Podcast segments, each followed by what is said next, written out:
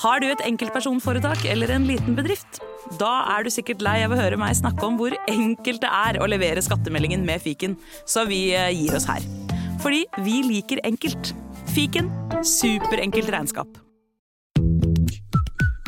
Hei og velkommen til Femihelse, en podkast om kvinnehelse fra A til Å. Og jeg heter Helene, Og jeg heter Sigrun. og vi har startet denne podkasten fordi vi mener at det bør snakkes mye mer om kvinnehelse. Så la oss snakke. Hei, hei, hallo. Hallo! Nå er det supermultitasking i studioet her. Eh, Jeg sitter helt mutters alene. Helene har Eva på fanget. Ammer henne litt mens jeg snakker. Og vår kjære gjest, Stine Hartmann, tar noen nydelige bilder av Eva og Helene. Ja. Dette er jo en premiere med Eva i studio, med babystudio. Det, mm, ja, vi får se hvordan det går. Vi prøver. Men vi tenker, eh, med tanke på dagens tematikk, som er jo egentlig litt sånn barseltid og mammakropp og oppfølging etter fødsel av mamma, eller hva jeg var, så eh, er, dette, er det helt greit med babystudio i dag. Egentlig det vi skal snakke om, er hvorfor ikke man får uh, støtte til barnevakt under podkastinnspilling. Fra staten. det. Ja. Det Det er for dårlig. er for dårlig. Så vi kommer til å starte en underskriftskampanje på det. Ja. Vi legger ut på Facebook etterpå. Nei da, vi bare tulla. Vi bare tuller, Eva. Du kan få være med. Eh, velkommen, Stine. Tusen takk. Stine Hartmann Næss. Siden Ness heter. Jeg, jeg, jeg, jeg, glemmer det sjøl. Jeg var hos postkontrollen her om dagen. Jeg holdt på å skrive feil underskrift. Ja, for du har fått splitter nytt etternavn. Splitter nytt etternavn. Splitter ny mann, holdt jeg på å si. Han er ikke så splitter ny, men vi gifta oss nylig i Gratulerer. eh, januar. Ja, takk for det. Så koselig. Det er koselig. Og eh, rett etter giftingen så kom det en baby. Rett etter giftingen kom det en baby, det, gitt. I mars, for å være eksakt. Ja. Så det var eh, veldig koselig. To store ting som skjedde på et halvt år. Så det har gått slag i slag, ikke sant, Eva? Det går slag i slag av og til. Sånn er det med de små. Skal, du- vil du ha litt pupp mens vi snakker, Eva? Ristet hun på hodet, faktisk. Nei. Du skjønner veldig mye. vi prater, prater Ja. i stedet. Ja. Um, men jeg tror det blir litt irriterende for Ja. folk å høre på. Ja, nå har dere fått Ja. høre den der søte babygryntingen, så nå Ja. reiser jeg meg forsiktig opp mens jeg holder dette barnet. Og babyen overleveres via en sånn Lion King-måte her. Sånn. Da kan vi fortsette. Ja, der er puppen ute. Ja, og du skrev jo en kronikk nylig. Det gjorde jeg. Mammakroppen. Var det? Ja, mammakroppen. Mammakroppen. mammakroppen. Mm. Hva var bakgrunnen for den kronikken? Bakgrunnen for den kronikken var jo det at det har jo vært eh, Det har jo vært en omveltende tid, eh, vil jeg si. En altoppslukende tid eh, etter, etter at min sønn Storm kom til verden. Mm. Mye har skjedd. Mye jeg kanskje ikke visste på forhånd. Eh, Fordi man også når man går gravid, så fokuserer man veldig på fødselen. Det er veldig sånn Hvor vondt gjør det? sant? Skal du revne, skal du ikke? Hva slags eh, bedøvende midler får du? Og hvem er denne babyen? Og hvem er denne babyen? Hæ, hvem er den? Ikke sant? Eh, og så blir man litt slått i trynet når fødselen er ferdig, og vær så god, her er livet 2.0. Eh, hvordan var det med det igjen? Så husker jeg veldig godt eh, Vi var på sykehuset, og så får du masse brosjyrer da, om babyen. Sånn bæsjebleia skal være grønn og skal være brun da, og gul. ikke sant? Etter uke to, tre, fire, seks. Jeg bare ok, nistirrer på den. Eh, Og så skulle jeg gjerne hatt det skrivet hvor det står 'så vondt gjør det å bæsje', 'så mye blør det', 'så mange bilen skifter du per dag'. skjønner du? For det er det ikke så mye snakk om, følte jeg iallfall, eh, når jeg satt der. Etterpå ganske mye ting som skjedde med, med kroppen. da. Og vi har jo hatt en liten sånn runde på Instagram hvor vi har sagt mye om eh, Bekkensjekken. Da kan dere sjekke ut Familieliv podkast og hennes initiativ der. Og eh, seksukerskontroll og hva vi skulle ønske at var på den. Kanskje det skulle også vært en tolvukerskontroll og en 24-ukerskontroll, og hva, hvem skal gjøre det, og alt dette der. Vi har snakket mye om det. Og, og så ble jeg litt sånn, men For jeg har hørt veldig mange si det der. At man leser seg på fødsel, og så glemmer man litt sånn Oi, shit, men det kommer jo 20 år etterpå med bare hardkjør. Nei da. Men det skjer mye etterpå. Og så har jeg vært litt Jeg har hatt litt pekefinger. Nei, ikke pekefinger. Jeg har vært litt sånn Men burde man ikke lese seg opp sjæl, har jeg også tenkt. Altså liksom Den researchen. Men eh, litt da fordi, Og så var det en som spurte eh, på Instagram Jeg skal føde om en måned. Hva burde jeg lese meg opp på? Det fins jo sipp nada av god litteratur, bortsett fra Elisabeth Kjølholt, akkurat Yes, og den har jeg lest. Ja. Ja, ja, den, og den nileste jeg eh, fra punkt til prikke om ulike fødselsopplevelser. Eh, men jeg tror også mye går i glemmeboka i det man føder. Eh, man, man blir litt sånn, man nullstiller livet sitt og bare Ok, hva Men skjer nå? men leste du den før eller etter du fødte? Vet du hva, begge deler. Ja. Før og etterpå, faktisk. For jeg føler at det er veldig sånn at man, Før man føder, så forbereder man seg på alt som skal skje liksom, frem til da og under fødselen. Og etter fødselen så tar man liksom for seg barselperioden, men da er det jo på en måte litt sent, for du kan jo ikke sitte og lære deg om amming eller eh, altså når du sitter og skal gjøre det selv, for det er jo ikke mulig. Ikke sant? Så var det en veldig spesiell periode. Jeg fødte jo på en måte midt oppi korona. 22. mars. Det var veldig strengt. Vi holdt oss hjemme. Det var ikke noe jordmor som eh, kom hjem til oss. Eh, amming gikk veldig greit, og så var det litt vanskeligere. Så da var det mer sånn ok, lære amming via FaceTime på, med venninner og litt sånne ting. Eh, men det gikk jo greit. Det gikk jo greit, det gjorde det. Men det er, det er mye man også ja, gjerne skulle visst mer om. Og så begynte jeg å legge ut om dette på min egen Instagram. Om eh, oi, jaggu er det vondt å bæsje. Det visste jo ikke jeg eh, i mange uker etterpå.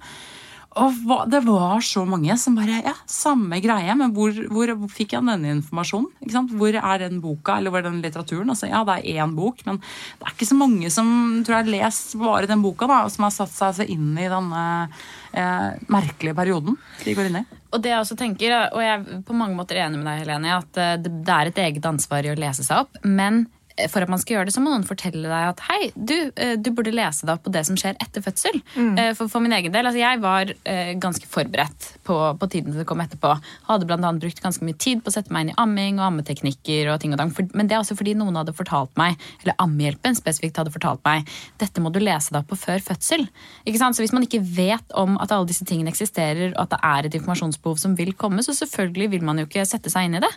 Så det blir jo en sånn eh, Ja, det er et selvansvar, men noen må ta ansvar for å fortelle deg om det. Ja, og det føler jeg jo at Før så var vi liksom a village, for å bruke det. ikke sant? Før så, så kanskje man, altså Nå snakker jeg lenge siden, og vi har snakket om dette i tidligere episoder, før så bodde man kanskje litt tettere på hverandre. Generasjoner snakket mer om det, man passet på barna til hverandre. Det var mer tabu, men jeg tror flyten oss imellom kanskje var bedre. Nå føler jeg jo at det skal liksom Jeg vet veldig lite om hvordan mine med venninner hvilke symptomer de har hatt og sånn etter fødsel. Jeg husker Da jeg spurte burde jeg starte denne podden, og hva burde jeg starte om, så bare Kanskje det at det er to år siden jeg er født og at jeg fortsatt ikke kan hoppe på trampoline. Jeg bare Hæ, kan du ikke det? Hvorfor, ikke? Og med inkontinens. Jeg bare shit. Det, så jeg vet ikke, og dette, kan, dette sier jeg uten at jeg har lest noe forskning på, eller noe sånt, men det bare føles som om at vi eh, har snudd oss litt vekk fra den gruppen eller den familien hvor man deler, og at man forventer at helsevesenet skal gjøre det, som ikke er rigget for det. For det er det jo ikke.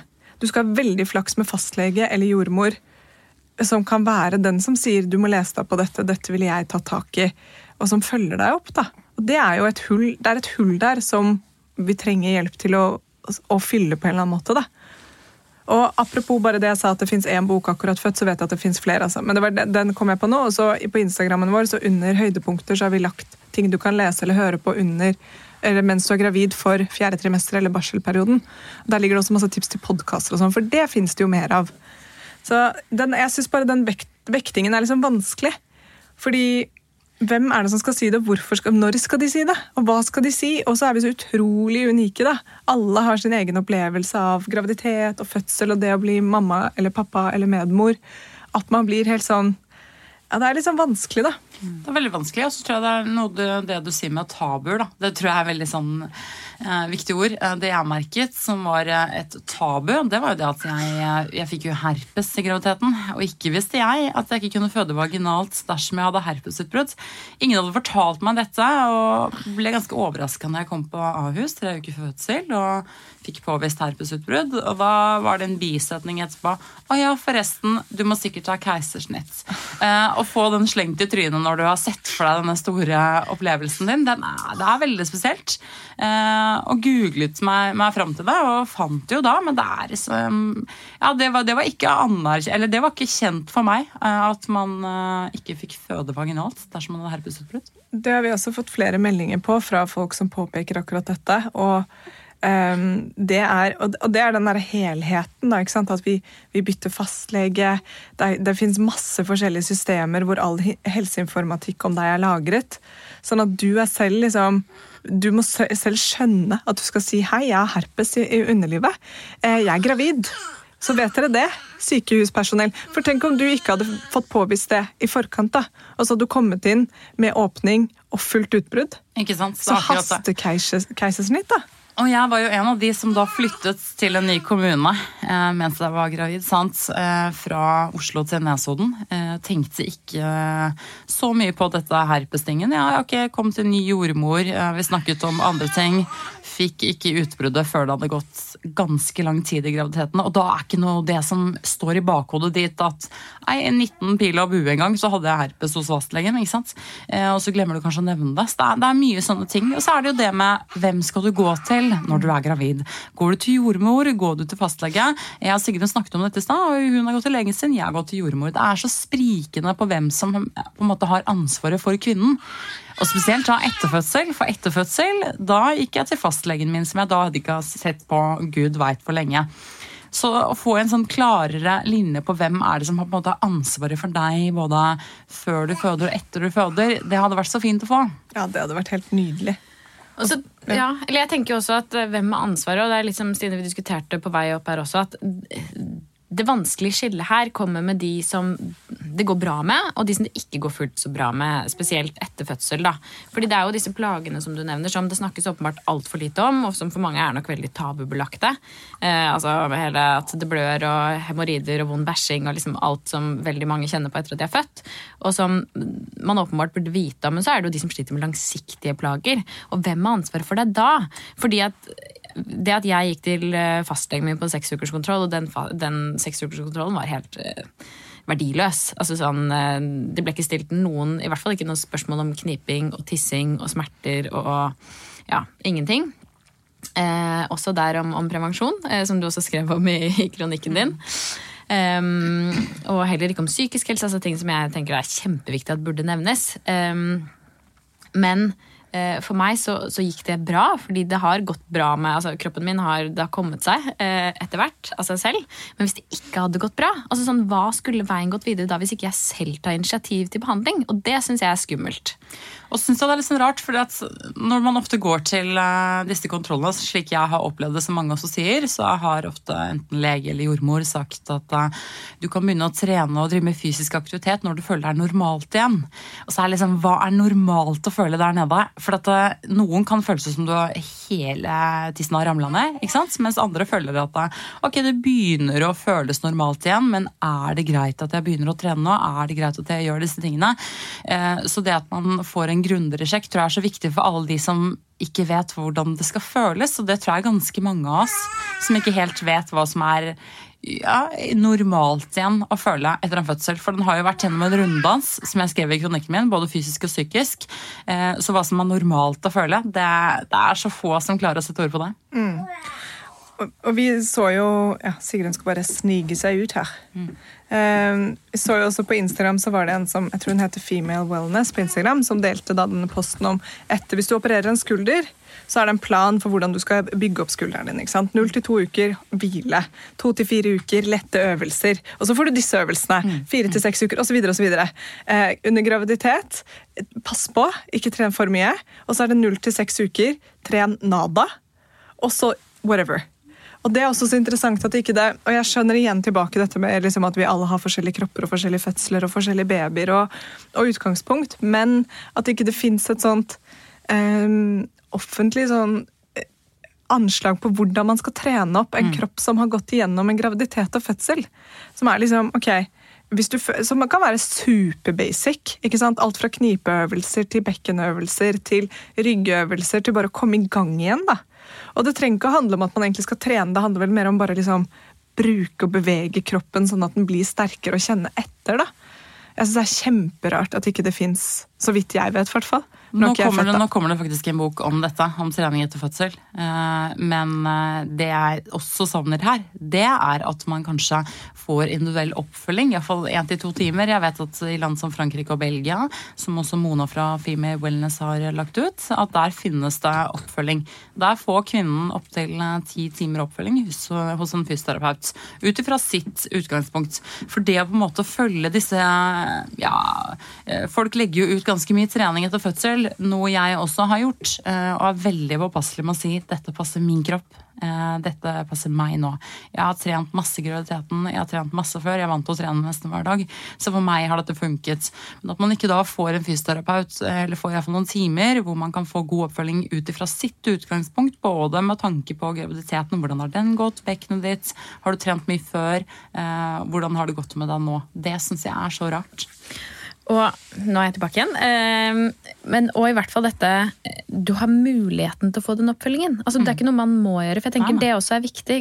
At liksom eh, Her får du ti fysioterapeuttimer. Bruk de hvis du har behov for Ikke det. Ikke sant? Så, og i hvert fall bare så du kan få veiledning da, og en sjekk av tingenes tilstand. Spesielt hvis du føler at ting ikke henger helt på greip.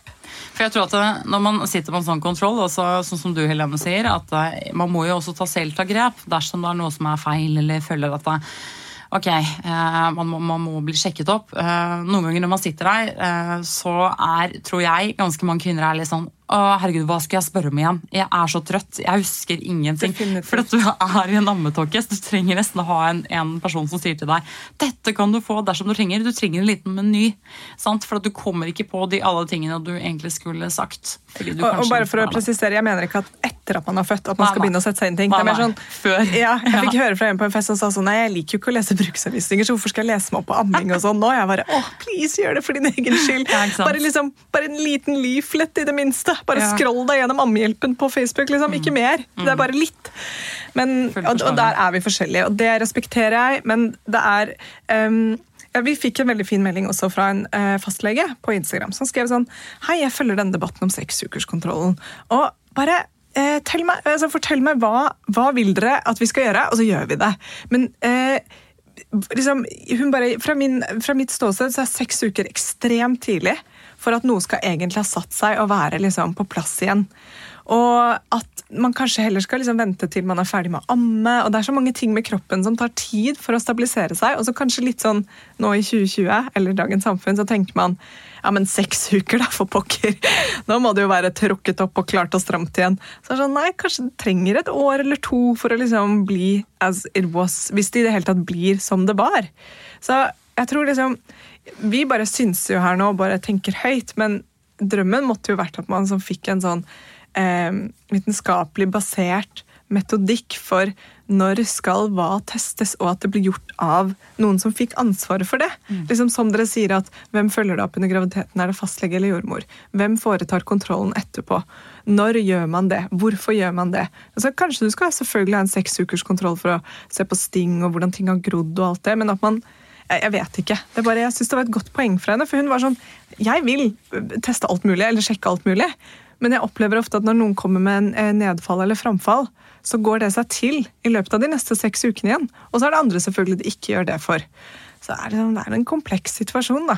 Men det jeg også synes er litt fascinerende, er at hvis man googler seksukerskontroll, så tror jeg det er det som heter Helsenett, som har da fasiten på hva en seksukerskontroll skal inneholde. Og da um, står det at de skal stille dette settet med spørsmål. Nå burde jeg hatt det foran meg, det har jeg ikke, men som er eh, ti spørsmål.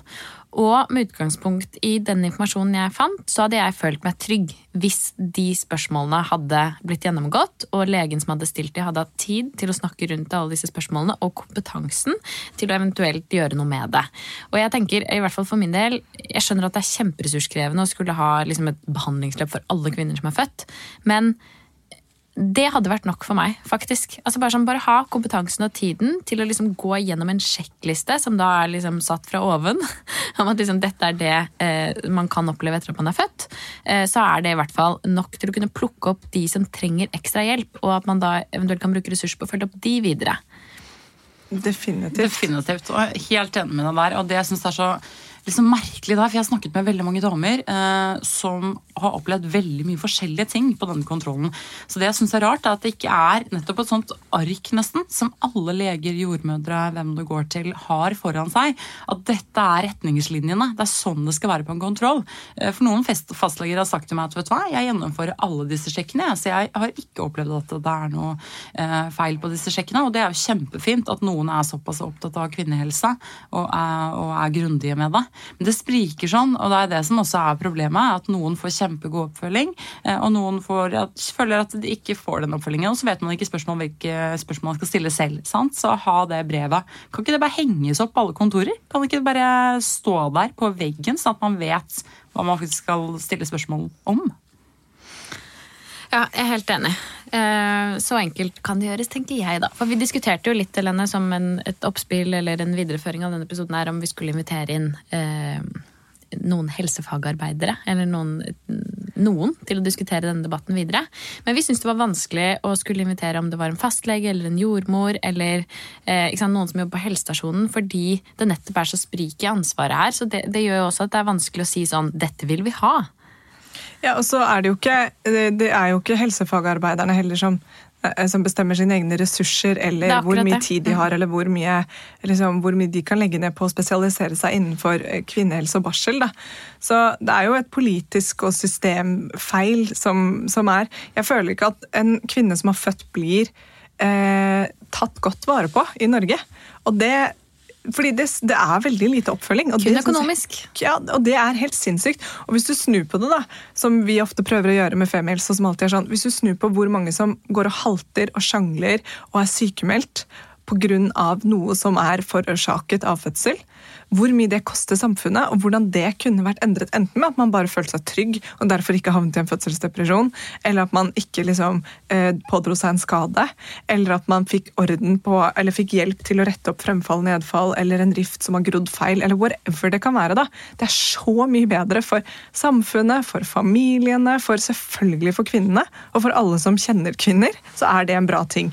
At alle kjenner på at de har reklamasjonsrett på egen kropp. Yes. Ja. Og jeg tror veldig på at det, er, at det er vi som må uh, sette krav på dette her. Og det er vi som må presse politikerne til å uh, sette fokus på dette. Fordi det, det er én ting å gå og si ifra til sin fastlege eller sin jordmor, men de gjør eh, så mye som de bare kan. Og, og jeg er helt enig i at det burde henge en sjekkliste, og det kan være ett steg. Men det er jo ikke som at fastlegene ikke gjør det fordi det er care, liksom. Det er mer fordi det er den biten Det er, det sånn de kan det, liksom. De kan jobben sin på den måten, og en annen kan det på en annen måte. De har dritlite tid. Ja. Ja. Så nei, jeg syns det der er veldig Jeg synes det er synd at det er sånn. Jeg syns det er synd at det er så sjukt mange som føler på det. Og at det føles ut som Altså jeg mener at Man har et ansvar for å lese opp, men jeg mener ikke at du har et ansvar for å fikse deg selv etter en fødsel. Og at du skal skjønne å herregud, ja, nå har jeg liksom Nå har dette skjedd, så derfor må jeg gå og oppsøke denne spesialisten. Det er umulig. Og fødsel, graviditet, det er et trøkk på kroppen. da. Det er et veldig trykk på kroppen. Og så tenker jeg sånn, Vi blir bedt om å føde barn etter barn, eh, og da bør jo i fall oppfølgingen av kroppen vår være eh, ganske så solid. Eh, og jeg snakket med en del eldre damer også, og da syns jeg det er så rart. for de er mer sånn ja, ja, men det, det, var jo kjempetøft å føde, og vi fikk varer varig men, og sånn var det jo. Det var nesten en selvfølge at du gikk der og hadde urinlekkasje eller underlivsprolaps eller, eh, eller whatnot. Eh, fordi sånn var det med kroppen, og flere som ikke orket å få flere barn. Så at det er liksom blitt en sånn selvfølge at man liksom skal få litt vondt etter en fødsel, det, det syns jeg er så sjukt. Ja, og Vi fikk jo litt tilbakemeldinger da vi spilte inn den episoden om fødselsskader om rifter. Da var det en del som eh, ble liksom skuffet over oss fordi vi gikk på den lette formen for rift og hvordan det behandles. Og så var Vi litt sånn, ja, vi kan ikke skremme liv av folk heller, men det er 1-2% hvert år som får full ruptur. ikke sant? Og eh, den oppfølgingen der tror jeg kan være god, og så tror jeg den kan være ganske dårlig. Og så tror jeg du kan få god oppfølging en stund, og så tror jeg du kan være ganske overlatt til deg selv når du på en måte er sydd opp og ferdig. Men det er også traumatisk, ikke sant? Så det å kanskje få tilbud om eh, Det kan godt hende at noen kommuner, fylker, tilbyr deg med liksom litt psykologhjelp, eller snakke gjennom fødselen med fødselslege og jordmor, sånn som Torbjørn alltid anbefaler at man skal be pent om at man kan få lov til. For å liksom bearbeide et sånn, Du har jo vært gjennom typen, nesten som en bilulykke, bare at du har født. da. Det har sikkert vært kjempeskummelt og skremmende for mange. Så ja. Eh, Men jeg, ja, jeg, blir, jeg blir liksom veldig opprørt og irritert over at fordi når vi kaster ut disse her tingene, her, så er det ikke fryktelig vanskelig. Det er ikke masse man ber om. Man ber om en oppfølging. Og så vet vi jo at det er mulig fordi eh, jeg vil si at vi har et veldig godt oppfølgingsløp i graviditeten. Og så er det selvfølgelig ting man ikke kan være fornøyd med der også, men vi blir søren meg tatt godt vare på, og det er jevn oppfølging, og det føles trygt. Og du har også et valg når det kommer til hvem du ønsker å gå til, om du ønsker å gå på helsestasjon eller til fastlege, eller mange av oss har i hvert fall det. Ehm, Så vi vet jo at det er mulig. Det er jo noe med det som på en måte både er positivt og negativt. Men det er jo, som, altså det er jo halvparten av befolkningen eh, som er kvinner. Veldig mange velger å få barn. Ehm, så det skulle egentlig bare mangle at dette var en, en rett. altså Nesten på lik linje som barnehageplass. da, Å få liksom, ja, oppfølging etter graviditet. Kanskje barnehagene kan tilby dette? Sånn Det hadde vært supert. Gud, så fantastisk. Tidsbesparende. Ja. Innkjøring på barnehagen, og da får mor den ettårskontrollen. For også, ja, innkjøring av mor. Ja, innkjøring av Tilbake i livet. Mm. Ja. Men apropos det du sa i sted, Helena, angående kontroller. altså Du har jo seksukerskontroller. Det er jo veldig sånn innkjørt i hodet til mange, tror jeg. Eh, så, eh, men tolvukerskontroll, helt klart. Ettårskontroll. Hvordan står det til der eh, om ett år? Hadde vært supert fint eh, å, å få. Eh, det kan hende det er vanskelig, derimot. Men eh, å få sånn jevnlige kontroller på kroppen, iallfall ett år etter fødsel, tror jeg kunne hjulpet for mange. Iallfall de som har hatt eh, grusomme opplevelser eller, eller opplevd noe med kroppen sin da, som de føler er ikke normalt i det hele tatt. Og så er det noe med at det heter seks ukers, for det som er litt interessant, er at det skjer jo ikke seks uker med mindre man bestiller den kontrollen sjøl. Eh, som, betyr ja, som betyr jo også at det er fint eh, er mulig å vente litt. Så det kan jo være et alternativ eh, for de som ja, å vente litt, da. Men på den annen side så har man kanskje aller flest spørsmål liksom, rett etter at man er født, så det er jo heller ikke noe godt alternativ. sånn sett. Men du, Stine, var på var det Dagsnytt 18? Med Ikke Dagsnytt 18, jeg var på TV 2-nyhetene. TV 2-nyhetene. Og da var du med en fra Jordmorforeningen. Hva var hennes standpunkt eller synpunkt her? Jeg sa henne, ja, det var kanskje Eh, Det var henne. Ja, du, jeg var jo ammetåka, så det er fint å spørre om det nå. Eh, men hun var jo for, for så vidt ganske enig med meg. Eh, og så var det en fra, som snakket for, eh, for fastlegene. Og hun, hun hadde ikke noe konkret svar. Det var vel det som også var litt Det er litt vanskelig å svare på. For jeg stilte henne spørsmål om alle fastleger har den kompetansen de trenger for å gjennomføre en slik kontroll. Eh, Og det vet jeg ikke om alle har, eller om de faktisk må sette seg inn i det sjøl. Slik jeg har skjønt, så er det mange fastleger som setter seg inn i kvinnehelse på egen hånd, og nødvendigvis ikke eh, kan alt sammen rundt dette. Og det er derfor det også er så sprikende, og det er derfor de også inviterte både jordmødre og um, jordmor, hun som hadde ansvaret for jordmødrene, og fastlegene. Så eh, den ble på en måte ikke avsluttet, den debatten, men det jeg også tror, ved å på en måte stikke huet mitt eh, litt fram sånn, er at det ble mer fokus på det. Eh, Flere som skal få barn, er oppmerksom på at de skal stille spørsmål både til jordmor eller fastlege vedrørende seksukerskontroll, vedrørende kroppen sin, hva man har krav på. og Det er det jeg også håper skjer. At det blir, eh, Dersom ikke det blir en endring, så blir det i fall mer oppmerksomhet rundt dette. Sånn at kvinner som også eh, skal etter hvert få et barn, eh, om de så er i 20-årene og hører dette og tenker at å herregud, er det så mye man skal sette seg inn i? Det er godt jeg vet at det er noen som har gått denne veien før meg, og faktisk har stilt de viktige spørsmålene. For ikke visste jeg at jeg kunne få det sånn etter en fødsel. Og det håper jeg at skjer, da. At det blir mer oppmerksomhet eh, rundt dette blant kvinner. Helt enig. Det er todelt, dette her. Det er liksom systemisk i samfunnet, med liksom klare arbeidsoppgaver for å si sånn, og ansvarlige. Og så er det the village, da, som du sa innledningsvis, Helene. At vi, oss imellom, må bli flinkere til å snakke sammen også om de ubehagelige tingene.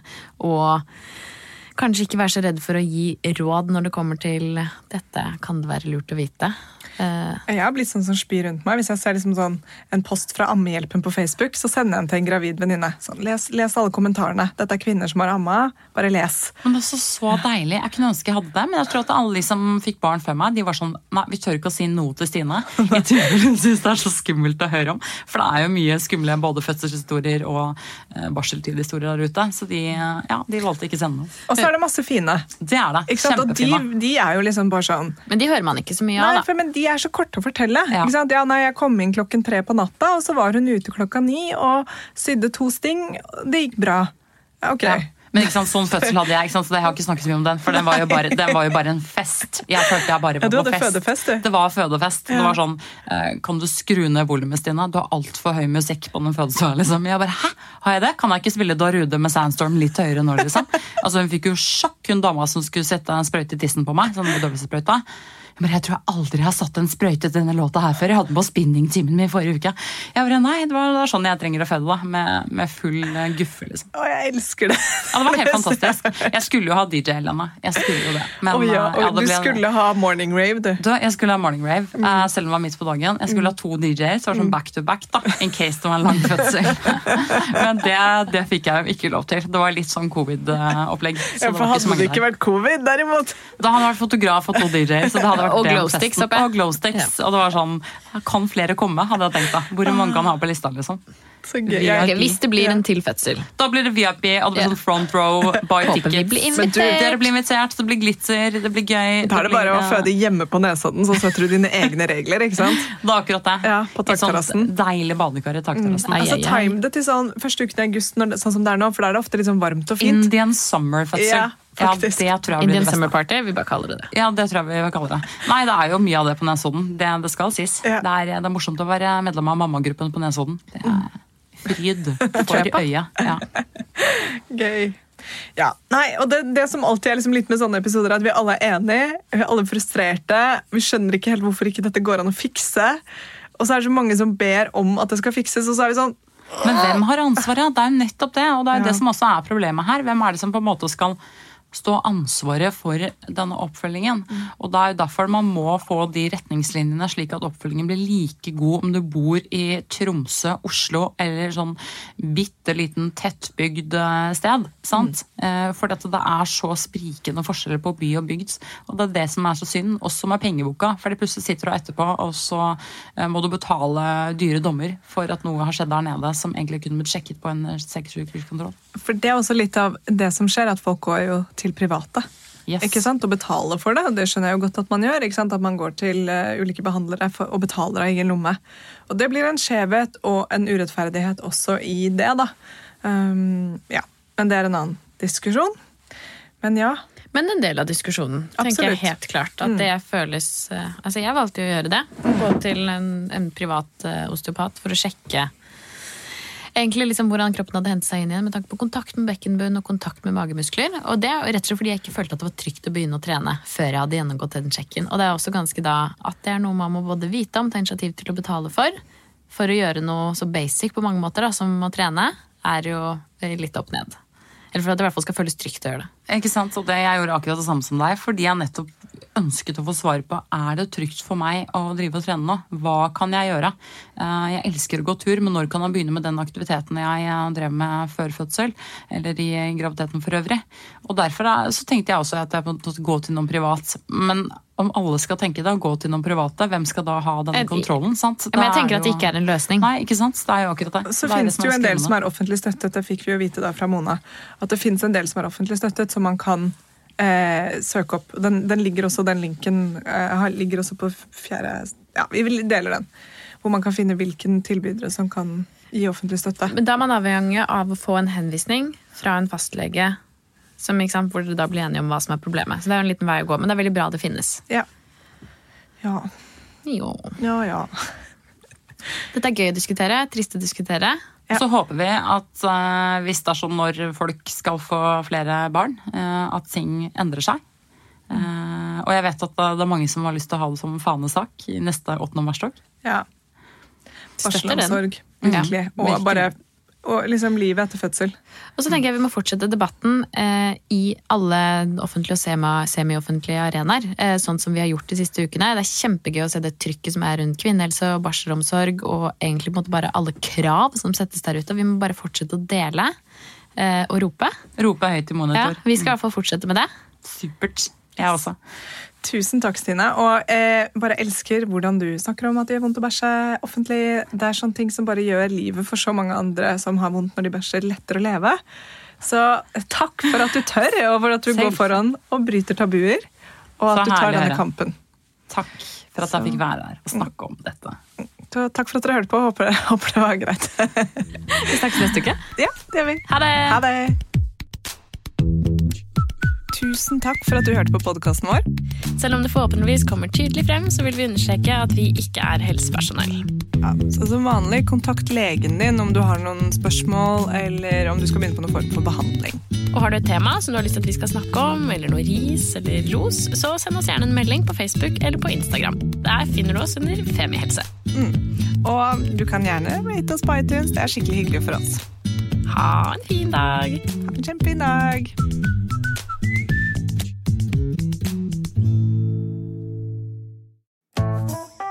Har du et enkeltpersonforetak eller en liten bedrift?